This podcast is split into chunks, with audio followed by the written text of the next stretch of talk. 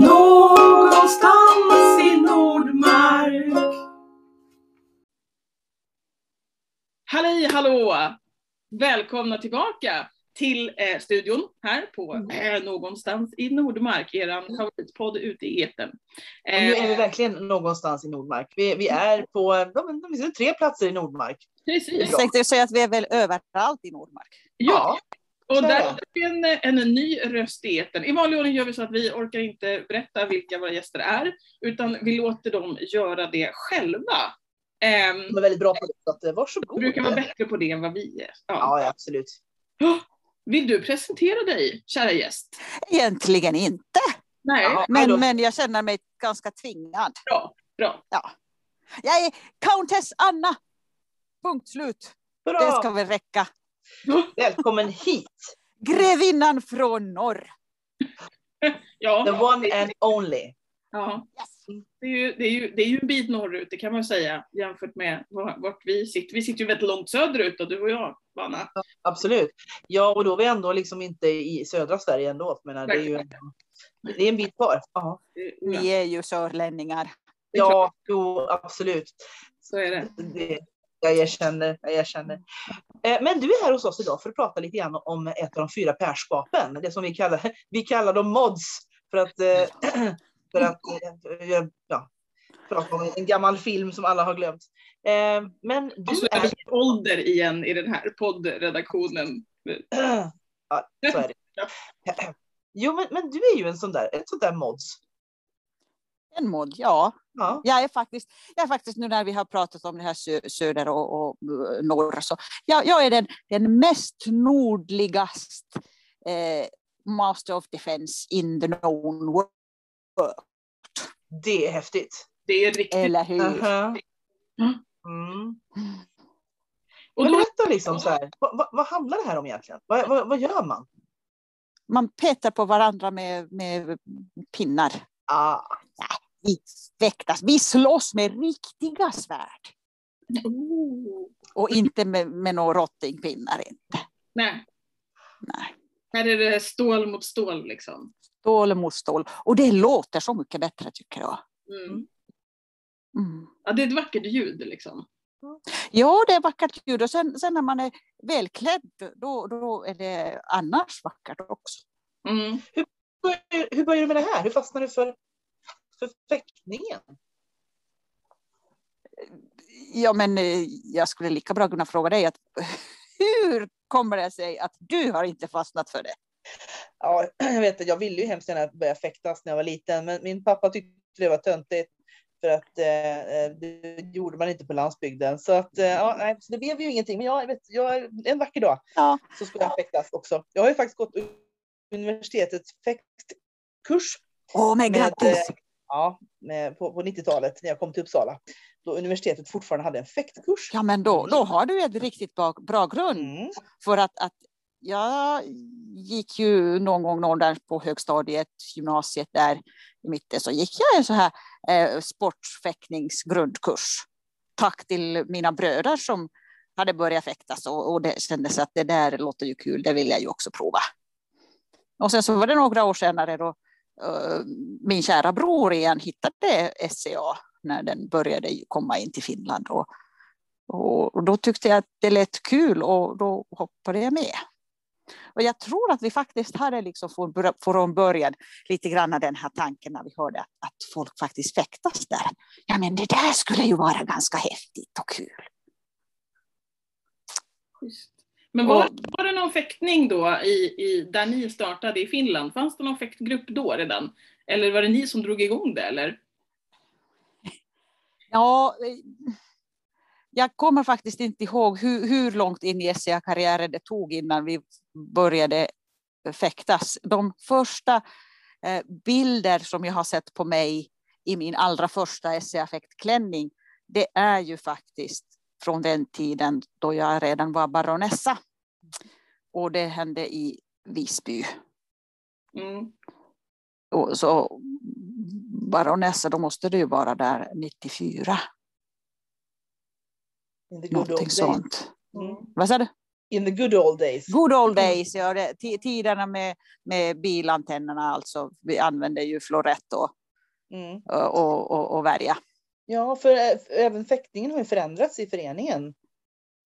Den har utvecklats kan man Mm, säga. Ja, men precis. Mm. Berätta. Ja.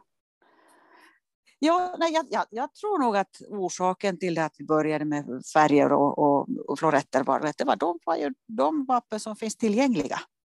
Mm. Eh, att, att, sen så kom ju det här slager kallade vi ju då så.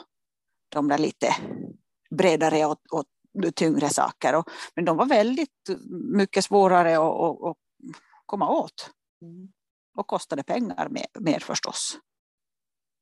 Och jag tror första gången jag någonsin har fäktats med en så här lite tyngre vapen, det var på dubbelkriget, det gamla goda ställen. Eh, ja, och jag, jag lyckades peta på Agilmar det var. Och han var ju liksom stor, erfaren fäktare och jag lyckades döda honom och då kände jag mig riktigt duktig. Mm, Underbart. Underbart. mycket Var det, bra. var det då du, liksom, du förstod att det här var din grej? Det här var Nej, din... nu förstod jag länge ti- tidigare. Ja, det gjorde du. Ja, Men, och, och sen, sen så var det, men, men det var väldigt sporadiskt det där fäktning. Mm. Tills jag flyttade till Aros år Ja. 2000 och började gå på fäktträningar i, eh, i Stockholm. Ja. Mm, Då kickade det loss fullständigt. Ja. precis. Mm. Och vilket år blev du, eh, blev du Master of Defense? Eller Miss Defense? Mm. Master 2017. 2017. Mm. Ja, för det är ett ganska, ganska ungt pärskap. Ja. Eh, folk har varit, eh, varit Laurels och pelikaner och riddare väldigt, väldigt länge. Men det var väl i den vevan ungefär som modsarna dök upp, eller hur? Det var 2015 gjordes de första. Eh, Och i Drachenwald var det tre stycken premiärer.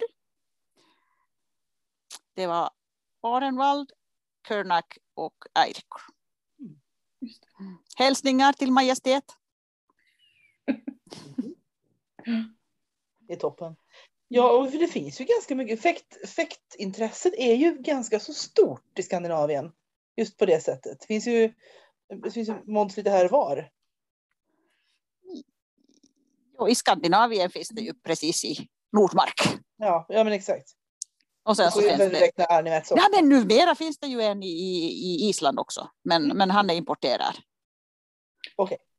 Mm. Och han är längre söderut än jag. Ja, just det. Ja, du är fortfarande den nordligaste. Jag är den nordligaste. Inte- Jag tror att vi inte har så mycket medlemmar uppe i Svalbard eller något sånt där. Så att, eh, Mm. Det är någon, någon, någon fanns i Alaska som, som liksom äh, berättade att ja, men om jag flyttar dit då blir jag ännu längre norrut. Jag sa ja, tills, till, ja, snälla berätta mig när du flyttar dit. Fram till det så, så titulerar jag mig den nordligaste i världen. Perfekt. Jag tycker du gör rätt i det faktiskt. Vad, vad innebär det, vad är, vad är det för dig att vara, att vara mod då? Förutom att Ja. Trevligt att någon har sett att du är bra på någonting. Jo, men jag kan ha lite extra, extra fin bling. Mm. Och sen så är det faktiskt det att, att eh, jag tror att folk blir ännu gladare när de lyckas döda mig. Så det är en service, en service till, till allmänheten helt Ja, enkelt. visst, alltså sprida glädje. Det är bra. Det var väldigt generöst tycker jag. Eller hur? Ja, Mm. jättefint. Ja, men har man inget val så kan man ju alltid göra det som en utoffring. Mm. Just det. Just det. Det. Vi, vi har ju berört det här förut när vi har pratat med andra och sådär om att, att eh, man kan ha, alltså att Laurels har lärlingar och pelikaner har protegéer och sådär. Hur funkar det hos, hos modsen då? Ja, jag tror inte faktiskt att det finns någon så här riktigt allmän eh, världsomfattande system för det. Nej. Utan alla gör lite som, som passar dem. Och jag kan ju säga att jag har erfarenhet av både att vara en scholar och att ha en scholar. Och jag har valt att kalla min student för scholar. Mm. Det var det jag var. Och ja. Eh, och det är så, faktiskt, jag blev faktiskt scholar så fort det blev Order of Defense. Eftersom det var Eirikor eh, redan innan som Dragon Steel Mm. så tog han mig som, som scholar. Eh, och, och sen när jag blev Dragon Steel själv då informerade han mig att jag, att, att jag inte kunde vara hans scholar längre. Och jag var lite, hmm, okej, men jag sparade den där flätan han hade gett mig. Ja. Så när han satt i Vigilia för Order of Defense, då gick jag dit och sa att, att du vet väl att jag kommer att börja bära den här snören igen. Lysande. Bra, Så. ja, det var fint tycker jag. Och så Kan vi säga också att Dragon Steel är ju en, en, en, det är kungadömets fäktorden. Ja, det var ju innan, innan Order of Defense blev så var Order of the Dragon Steel var det högsta utmärkelse man kunde få eh, för fäktning i Drachenwald. Mm. Eh, och, och det var en så, här, så kallad polling order där kung och drottning innan de tog någon ny till det order så konsulterade de ju dem med, med befintliga medlemmar. Och det order stängdes ju i samband med att, att Order of Defense blev till. Så att jag, jag är faktiskt uh, forever the baby steel eller sen the doom of the order. Det har många trevliga titlar på, på Eller hur? din Titlar är ganska Ja. roliga. Ja, Mm. Ja, det är så bra att ha. Bra att samla på sig roliga titlar. Det gillar Ja. vi. Man måste få göra det liksom. Mm. Mm. Och nu måste jag nämna en, en till trevlig titel som jag har. Det Mm. har lite med fäktning att göra. Mm. För att det kom på, vi har ju olika, olika turneringsformer och så, sånt och tävlingar. Och ibland så är det så att man har ett visst antal liv. Så Mm. när man har dött ett visst antal gånger så är man bort. Eh, Och det kan vara ibland lite svårt att hålla, hålla räkning på det. Så därför är jag countless. För jag kan inte räkna. Åh. Vad dumt. Absolut. Snyggt. Bra. Mm. Bra, bra, bra. Mm. Det- ska vi komma ihåg i fortsättningen. Ja, Mm. Countless Anna. Countless Anna, yes. excellent. Har du något tips till eh, unga fäktare och gamla fäktare också för den delen som, som eh, siktar på att bli Master of Defense? Vad ska man Ja, liksom... fortsätt, fortsätt peta på folk och ha roligt. Mm. Bra! Tycker jag är jättebra. Ett jättebra tips helt enkelt. det är det man ska göra liksom. Ja. Men då, då tackar vi så jättemycket Countless Anna för, för de kloka orden. Eh, och så hoppas vi att vi får höra mer av dig i något annat avsnitt helt enkelt. Tack för att du var med och pratade om, ehm, eh, om, om, mod, om mods helt enkelt. Tack för att jag fick vara här. Ja, det var så lite. Hej, jag heter Duchess Siobhan. Jag lyssnar på podden Någonstans i Nordmark. Recording in progress. Leave meeting, leave meeting. Abort, abort, Precis. Eh, dive, dive. det, här, det, här, det här får vi ju klippa. Vi kan inte ha massa bnöpljud i början, herregud. Ja, Eh, skulle vi ha bnöpljud i början? i, vår- I våran podd. Jag har aldrig Mm, ja. Vi, nu kör vi. Nu kör vi. Mm. Alltså, vad är det man gör eh, på första januari varenda år, trots att man har liksom här, sagt åt sig själv att man, man inte ska göra det? Slutar äta chips. Ja, ja, ja, det också, men, men, men det är en annan sak, något helt annat. Um, man kollar på Ivanhoe.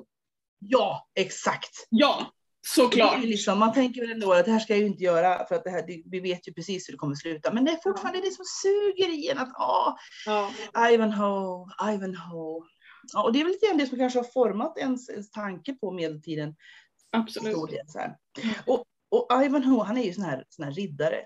Och Mm, måste ju ändå säga att det var väl det som man trodde att riddare var när man var liten. mm. Mycket ljusblått och guld helt enkelt. Mm, exakt. Ja, ja. Så. Och därför har vi tagit hit en riddare som ska få berätta om det här. Just hur det är helt enkelt. Om det är ljusblått och guld eller inte. Ja, precis. Kotte, välkommen! Tackar, tackar. Vill du berätta lite om eh, vem du är till att börja med? Eftersom vi inte har gjort det. I eh, föreningen så heter jag Ja. ju då Måns Knutsson Kotte. En eh, småländsk bondeson på 1500-talet var tanken att eh, Kotte skulle vara. Eh, som gick och plöjde eh, på åkrarna. Sen någonstans på vägen så hände det en massa äventyr och så blev han riddare. Det är en livsresa helt enkelt. Mm. Ja, det, hade, det fanns nog inte på kartan att jag skulle bli riddare när jag tänkte ut min persona 1994. Mm. Va, vad, hade du tänkt, vad hade du för tankar då, då för, när du gick med i föreningen? Var det, liksom, var, det, var det kläderna som drog? Var det kompisar som drog in dig? Eller vad, Nej, men det vad var var grejen då? Jag tror att det var en, en kombination av flera saker. Jag tror att det var en, en upplevelse som jag anade att man kunde få genom kompisar. Eh, rollspelsföreningen i Jönköping där jag växte upp fanns på Kulturhuset och i Kulturhuset så fanns medeltidsföreningen Juneborg. Och eh, de hade konstiga kläder men de såg ut att ha ganska roligt och så fanns det, eh, det var lite mer blandad, blandade grupper. Det fanns både eh, pojkar och flickor i olika åldrar. De såg också ut att ha väldigt kul.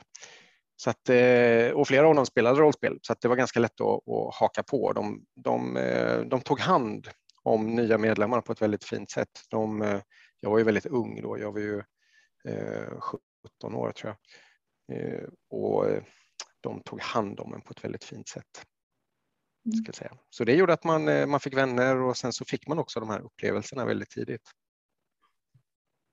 Så fastnade man. Mm. Ja. Ja, du var aktiv, väldigt, väldigt mycket aktiv med en gång verkligen. Du, you got on like a house on fire med föreningen, eller hur? Ja, ja men alltså det, man, man ordnade, det var två saker som fick mig att fastna i, i Juneborg. Det, det ena var eh, man hade en slags stadskarneval, eh, Kalajs heter det. Och i Kalajskarnevalen så eh, paraderade eh, olika föreningar och varje år så funderade Juneborg på vad man skulle göra. Eh, och det året som jag gick med då bestämde vi oss för att vi skulle blåsa en massa eld och så skulle vi springa runt med boffervapen och överfalla oss själva ur publiken. Eh, och så vann vi. Det var jättekul och så blev det världens fest för att folk fick rösta på det där. Så det var en, en tidig liksom, positiv upplevelse och just lite mera äventyr och eh, kanske mera rollspels live än, än medeltid. Eh, men sen så hade vi en demo i Stadsparken. Och eh, där slog vi upp eh, en paviljong i ett rhododendronbuskage. Och sen så sov vi där och gjorde kycklingegrop och drack hemmagjord öl och sjöng sånger i hela natten. Och sen på morgonen så gick vi upp och så skulle det vara fighting-demo och det var första gången som jag fick sätta på mig en rustning och, och, och prova att slåss. Eh, så det för, för en 17-åring var ju det här eh, fantastiskt. Eh, jag drack ju ingen alkohol eh, öl då heller. Måste man säga. Ja. Mm. Men sen så, sen så slutade jag i gymnasiet eh, en stund efter det där och eh, kom till Göteborg. Och då blev ju Medeltidsföreningen ett sätt att eh, träffa, förutom studentliv och sådär, så blev ju Medeltidsföreningen ett sätt att lära känna nya, eh, nya människor. Och då eh, hände det en massa saker i föreningen. Det var mycket drama och liksom konflikter och sådär vid den här tidpunkten. Eh, så att det passade sig ganska bra att, att bli aktiv just då för att det var sånt drama för att de behövde lite sansade människor. Jag tänkte du skulle säga att du gillar drama, men, men det var bra att du kom med det sista där. Det är bra. Han gillar att vara sansad. Det, det är Ja. det som är grejen. Ja, det är väl bra. Det, och det ska man väl kanske vara som, som riddare, tänker jag då. Om man då liksom tänker på vad det är att vara, att vara riddare. Nu ligger ju det längre fram i tiden, men du, eh, du hamnade där i Gotvik då. Och, Mm. och träffade folk och, och fightades. Och sen, och sen gick tiden, tänker jag mig. Ja, Ja. sen, sen gick tiden och det tog ju väldigt lång tid för mig att, att, att bli riddare. Jag auktoriserade 95 eller 96 eh, och sen så blev jag dubbad 2011. Mm. Eh, Så det var eh, ja, ganska många år när man eh, fick träna och harva på. och försöka förstå vad det här med ridderskap eh, är. Sen, eh, jag blev ju jag blev ju Per lite tidigare eftersom jag blev upptagen i Pelikanorden eh, lite tidigare. Eh, så att den biten fick jag väl lite mer förståelse för eh, under den tiden. Så var jag först och lite sådana andra saker emellan. Ja. Så det, det, det, det var en, en, en, lång resa, så kan man säga. Vad innebär det då att vara riddare? Vad är det du kom fram till till slut? Nej, men jag tror så här, när jag gick med i, i Uniborg 1994 så eh, åkte jag bil tillsammans med eh, Gröne. Alla Uniborgare på den tiden hade färgkodade namn så att det var mm. Röde och Gröne och Bleke och liksom Mörke. Och, ja. alla, alla ljusets färger var liksom upptagna. Eh, så då fick jag bli kotte. Men eh, då skulle man förklara vad eh, SCA är och hur det funkar och med pärskap och så där. Och det där är alltid liksom traumatiskt när man ska förklara för någon för att man berättar alltid för mycket. Men då sa Gröne till mig så här. Ja, Kotte, vet du vad? Riddare, de är extremt schyssta. De är jättetrevliga. Och sen är de extremt bra på att slåss.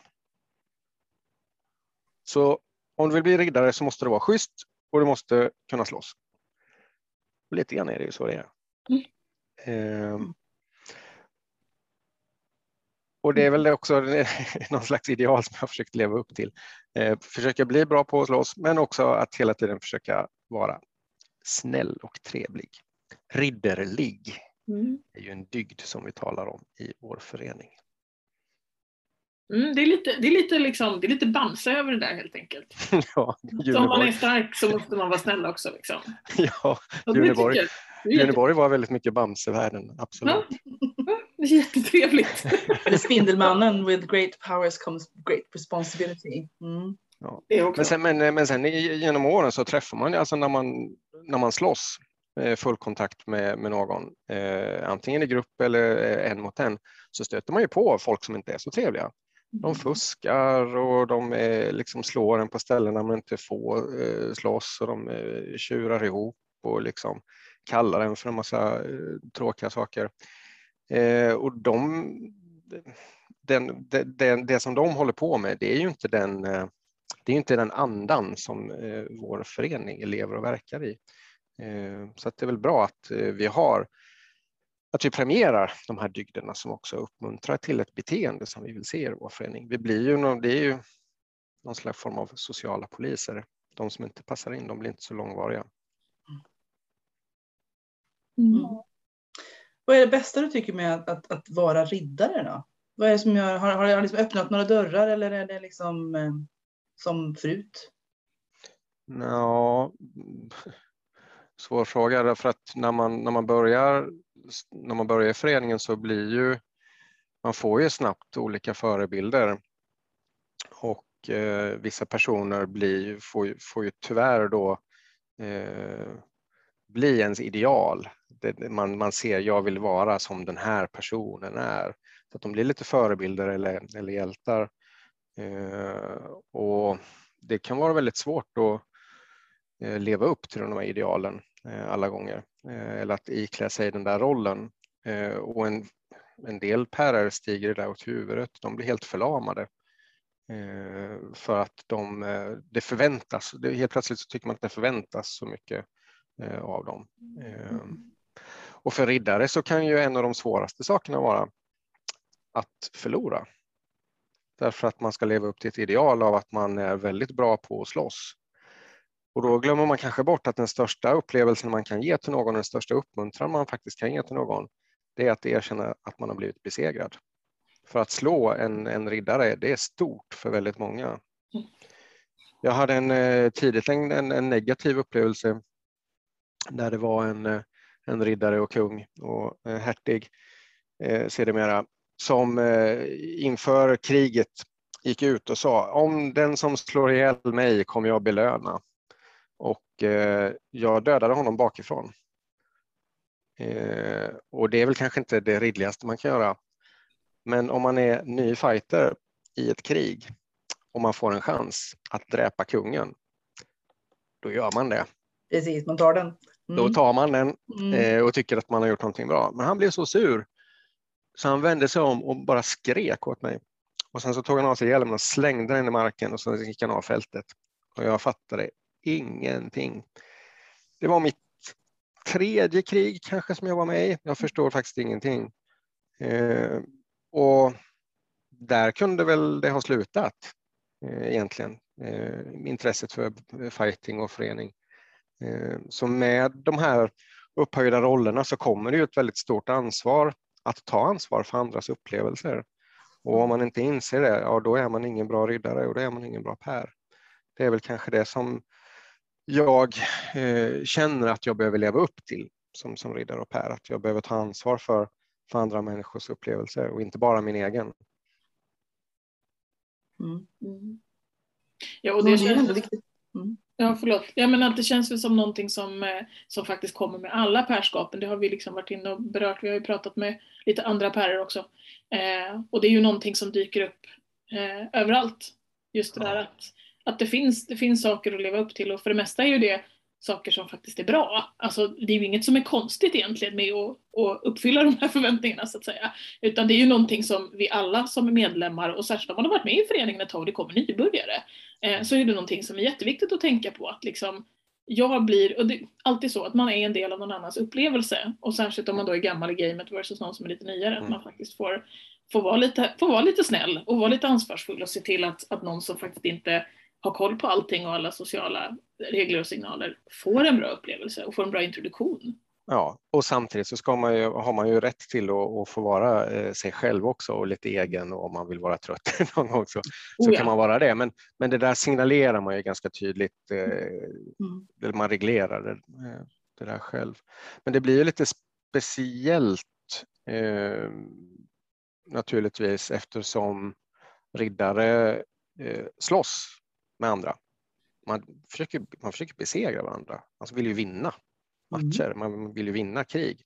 Så att det är ju mycket, det är mycket känslor, det är ett kampmoment som är involverat som, som triggar en del saker hos, hos vissa människor som man, man tycker inte om att förlora helt enkelt. Dåliga förlorare finns det, finns det ju gott om liksom. och det är ju en del av upplevelsen att kunna hantera förlusterna på ett, på ett bra sätt. Mm. Eh, och därför var det väl kanske bra att det tog lång tid för mig att eh, bli erkänd som, som riddare. Eh, för att under väldigt många år så, så var jag eh, någon som, som inte vann speciellt mycket. Jag fick träna eh, jättemycket eh, för att kunna eh, bli bra på att slåss. Annars så, ja, det ska man, det, det ska man inte glömma bort. Så är det i alla pärskapen. Alla har ju, måste ju göra en insats. Eh, är man inte beredd att eh, öva med svärdet 10 minuter om dagen, ja då eh, kan man nog inte bli riddare. Det var ett råd som jag fick när jag var ung väpnare. Eh, om du inte är tillräckligt dedikerad för att gå ut och slå på din pell, eh, alltså typ en sandsäck, eh, 10 minuter varje dag i två år, ja då är du inte tillräckligt dedikerad för att bli riddare. Mm. Så det där tog jag till mig och så gick jag ut och slog på den här pellen. Och det gjorde, det gjorde jättestor skillnad, hör och häpna. Ge mig tio minuter om dagen, eller vad sa han, Arne Tammer? Ja. Ja. Så att det, men, men, och, men, och sen för att bli riddare så måste man ju vara bra på att slåss. Det är ju prowess, är ju den, eh, den färdighet, alltså skicklighet i vapenkonsten är det som vi tittar på i, i första hand. Är du inte tillräckligt bra på att slåss, nej, då kan du inte bli riddare. Eh, och det där smärtar ju eh, många som har varit med länge eller andra personer som tycker att någon har gjort väldigt mycket för, för fightingen i föreningen och, och sådär. Men är man inte tillräckligt bra på att slåss så, så kan man inte bli riddare.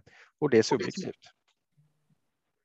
Men det är ju inte bara det, det är grunden, det är grundbulten i det hela, att, att, att man ska vara tillräckligt duktig på att slåss. Så är det ju ändå mer saker som krävs. Man ska vara en schysst kille. Ja, Eller precis. tjej.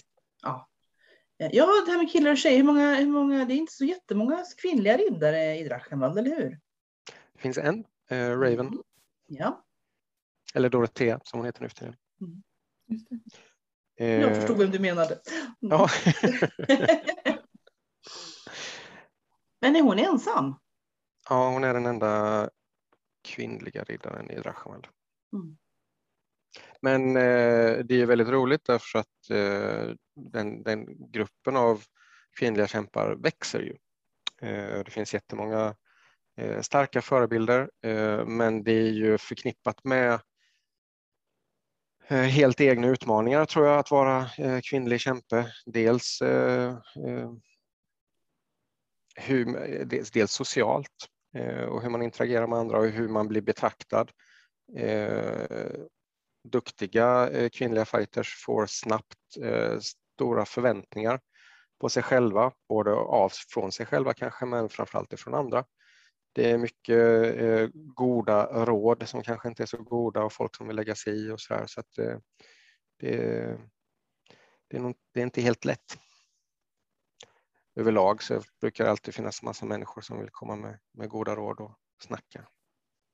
Det finns väl i alla, i alla lägen. Ja, du nämnde det här med väpnare. Hur funkar det då i, eh, bland riddarna? Eh, Det är ju en personlig relation mellan en riddare och en annan person Eh, och den kan se lite olika ut. Men en riddare-väpnare relation markeras ju då av att väpnaren bär ett rött bälte. Det röda bältet signalerar att man har någon form av överenskommelse med en riddare.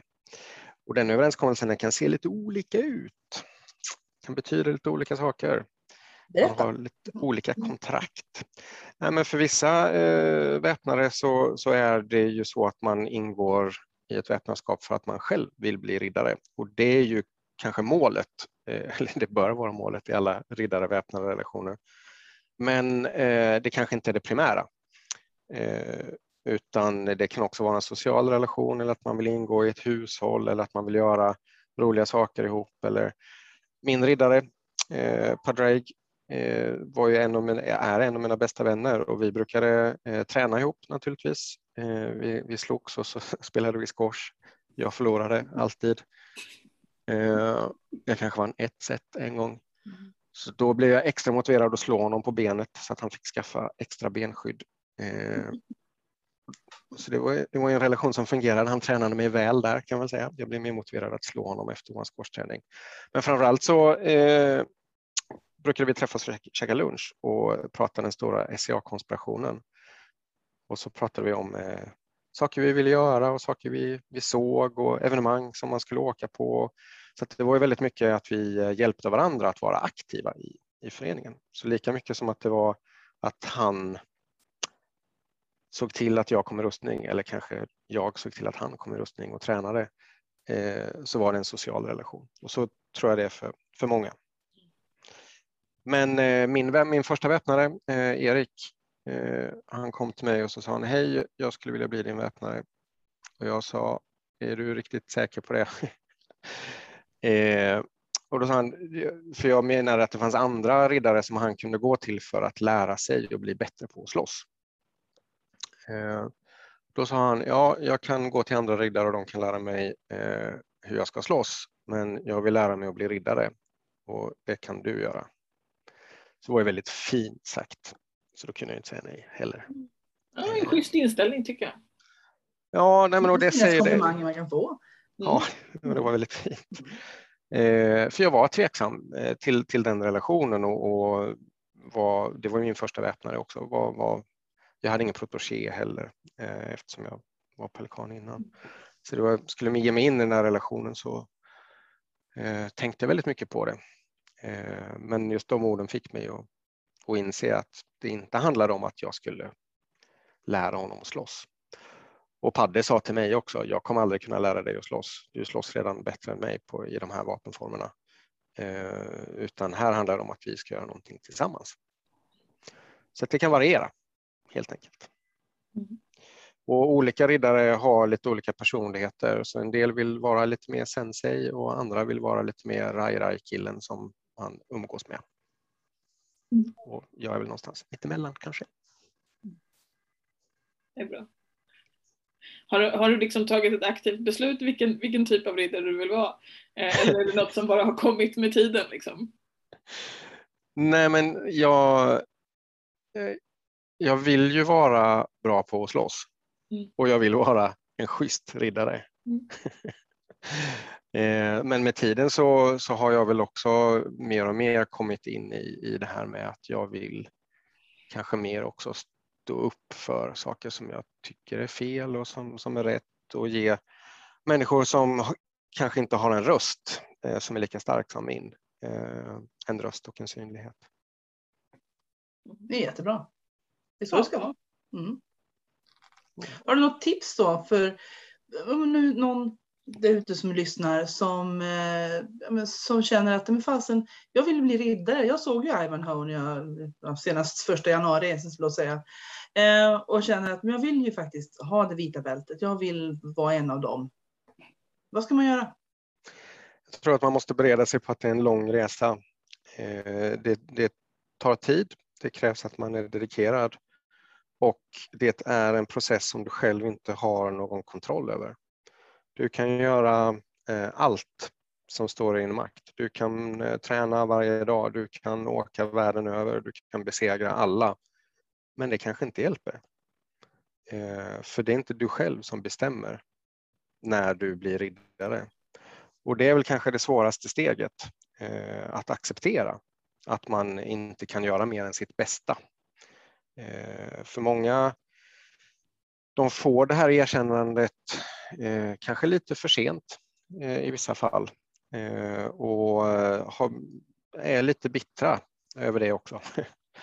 Man går och väntar på eh, det här erkännandet. Men det fungerar ju som så att det är kungen och drottningen som bestämmer vem som ska bli riddare. Och man brukar inte dubba särskilt många. Man brukar inte skapa särskilt många pärer under en regeringsperiod. Eh, och man ska veta att när kungaparet väljer att göra en pär så lägger de sitt eget namn och sitt eget rykte på den personen som de upphöjer till pär. Det innebär att om eh, man skapar en riddare så är man ansvarig för det. Eh, och det gör att det inte... Sen är det en process när eh, kungaparet ska rådfråga andra riddare. Eh, vad tycker ni om? Är den här personen redo att bli riddare? En så kallad poll eller en votering. Men den här pollen den är bara rådgivande och i slutändan så är det kungen och drottningen som bestämmer. Och ibland så kan man få höra ifrån, ifrån medlemmar som har varit med länge, så här, borde inte den eller den ha blivit, ha blivit riddare? Och liksom så här. Ja, det, är, inte- det är inte riddarna som bestämmer, vi bara rådger. Kungen och drottningen kan också välja att helt gå emot cirkeln. Eh, ska man komma ihåg. Så att det gör ju att eh, är man en kämpe som är i en region där kungaparet inte är så aktiv, ja, då minskar också sannolikheten för att de ska tycka att det är en bra idé att dubba dig. Eh, det enda du kan göra det är att du kan resa och vara på de platserna där kungen och drottningen är också och, och försöka synas. Eh, och det är väl det som ibland eh, kallas för att checkboxa i vår värld. För att man tänker att det finns en, liksom en, en lista med saker som man ska göra och gör jag de här sakerna, ja men då, kommer, då kan jag kvittera ut mitt vita bälte, mina sporrar och min kedja. Eh, Men tyvärr då så, så blir det ju oftast ganska genomskinligt också när någon försöker checkboxa. Eh, Och då blir snarare diskussionen så här, okej, det här är en checkboxande person. Vilket egentligen bara visar på att man är väldigt eh, dedikerad och engagerad. Men väldigt ofta så har också de personerna ganska bråttom med att få sitt erkännande. Eh, så bered dig på att det tar lång tid. Eh, var uthållig och till slut så måste du acceptera att det är inte du själv som bestämmer. Mm. Det är bra råd, tycker jag. Vad Det är liksom, Ja, och det, och det svåraste där är ju uthålligheten. Jag menar, jag tyckte att jag var eh, liksom man, man jämför, alltså eftersom vi tävlar hela tiden så vet man ju vilka som är bra och vilka som inte är bra. Och eh, man tycker, ja, men nu har jag ju slagit de här riddarna, borde inte de tycka att jag också ska bli riddare? Det är ju ganska vanligt. Eller nu, nu slår jag ju de här andra som inte är dubbade, borde inte jag också bli dubbad? Eh, och så, så går man där och, och sneglar och så när det är hov så tänker man, ja men kanske den här gången, kanske är det min tur idag. Eh, för det är någonting man vill. Man vill ju bli riddare. Jag vill vara Ivanhoe. Liksom. Man, eh, det är ju en dröm för alla fighters. Men så händer det inte. Och istället för att man, eh, det var positivt och roligt att gå på hov så blir varje hov eh, en negativ upplevelse. Ett bakslag som du inte har någon kontroll över. Och då måste, alltså då, det där måste man kämpa med. Och Det släppa. tror jag tyvärr är vanligt i alla ordnar. Alltså att just att förväntan kanske är, är förtärande ibland. Och det vet man ju ändå, folk har försvunnit ut ur föreningen för att för förväntan var för hög Mm. och leveransen var inte tillräcklig. Så det, det rådet är liksom, eh, och det, vi, oftast är det ju precis när man har släppt den där känslan som det händer. Eh, typiskt nog. Eh, så. Nej, för att då helt plötsligt så börjar man ju slåss och, och vara med i krigen och vara på hoven för sin egen skull. För att man tycker att det är roligt. Inte för att man måste vinna eller för att man ska uppnå någonting. Och då märks ju det. Då blir man ju en mycket gladare person. Så eh, sluta försök bli riddare och var riddare. Oh. Mycket, mycket fina slutord där tänker jag. Ja, eh, på det här lilla samtalet om, om att vara riddare. Tack så hemskt mycket för dem. Ja, det var så tack lite så mycket för att du ville vara med Kotte. Ja. Eh, vi hoppas att du kommer tillbaka till oss någon annan gång i programmet också. Man, man vet aldrig. Man vet aldrig. Ah, Har det gått så länge? Hej. Hej, hej, hej. Men det vart ju rätt bra det där. Det var lite flamsigt där i mitten en stund. Men eh, teknikaliteter när man spelar in. Alltså det blir ju så. Vi vet ju själva efter, efter ett och ett halvt år av Zoom och Teams och eh, Ja, Skype och inte fasen vad. Ja, så det blir heter. ju krångligt. Va? Ja. Eh, så det, vi, får bara, ni får bara vara glada, kära lyssnare, över att ni får sån, sån högkvalitativ underhållning som ni ändå får. Mm. och samtidigt väldigt spontan och med alla ja, små eh, quirky detaljer Ja. med när vi inte orkar klippa bort dem. Eh, Man får vara glad att skiten funkar bara. Eller hur? Mm. Det är precis så det är. Mm. precis så det är. Ja. Men jag tycker ändå att vi, vi trots detta och trots lite flams eh, har lyckats sammanfatta de här fyra pärskapen rätt väl, hoppas jag. Ja, och fått lite ljus i den här mystiska enheten som är pärskapen. För, Mm. att för nya medlemmar så kan det vara jättekrångligt att förstå vad det handlar om. Ja. Eh, Men det är ju egentligen bara att man har jobbat hårt inom sin, sin gren. Mm. Det, är liksom, det är inte mystisk, mer mystiskt än Nej. så. Nej, Och som Eh. Kotte sa här i slutet, det kanske det, det gäller att sluta försöka och bara vara. Och det är då det brukar lossna. Liksom. ja. Mm. Och det är ju så, det är kanske det man, man ska komma ihåg också att förhoppningsvis är vi ju alla, vi två som sitter här och ni som lyssnar där ute, eh, vi är ju ändå med i den här föreningen för att vi vill göra roliga saker tillsammans med våra kompisar. Eh, och då är det kanske inte en, en, en lysande karriärväg som är Ah. det vi behöver bana ut för oss själva Nej. i föreningen. Eh, och sen är det självklart så att det, föreningen skulle inte finnas om det inte fanns folk som ville göra en massa saker. Eh, men det är väl precis så som, som Kotte påpekat, försök inte så mycket, bara gör, bara var. Mm. Eh, och så får man se vart det bär. Ja, och jag menar, som, som William Shatner sa, get a life. Exakt. Precis. Och ens liv kanske är så. Och det är jättetrevligt, Ja. kul. Liksom så här. Eh, Men det finns så mycket mer också. Ja, Alltså, det ja. gör verkligen det. Det Mm. gör verkligen det, både inom SCA och utanför. Definitivt. Eh, så det är ju definitivt så. Mm. Eh, men sen så kan det ju vara så att nu tycker vi att vi har pratat och gjort, rätat ut alla frågetecken och förklarat allting och sådär. Vi kanske har gjort fler frågetecken. Det Eh, ja. Eller bara glömt något. ja eh, som ni tycker är jätteviktigt eller har funderat på hur länge som helst.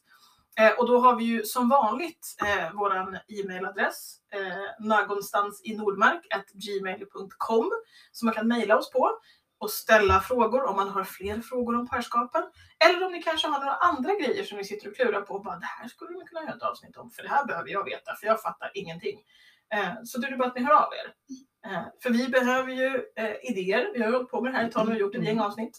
Eh, så vi är väldigt tacksamma för att få förslag. Ja, precis. Det finns oerhört mycket att prata om men vi måste liksom bli tipsade också. Det, det, vi är ingenting utan er. Ni Verkligen inte. är, är vårt bread and butter. Ni- Ni är underbara. Mm.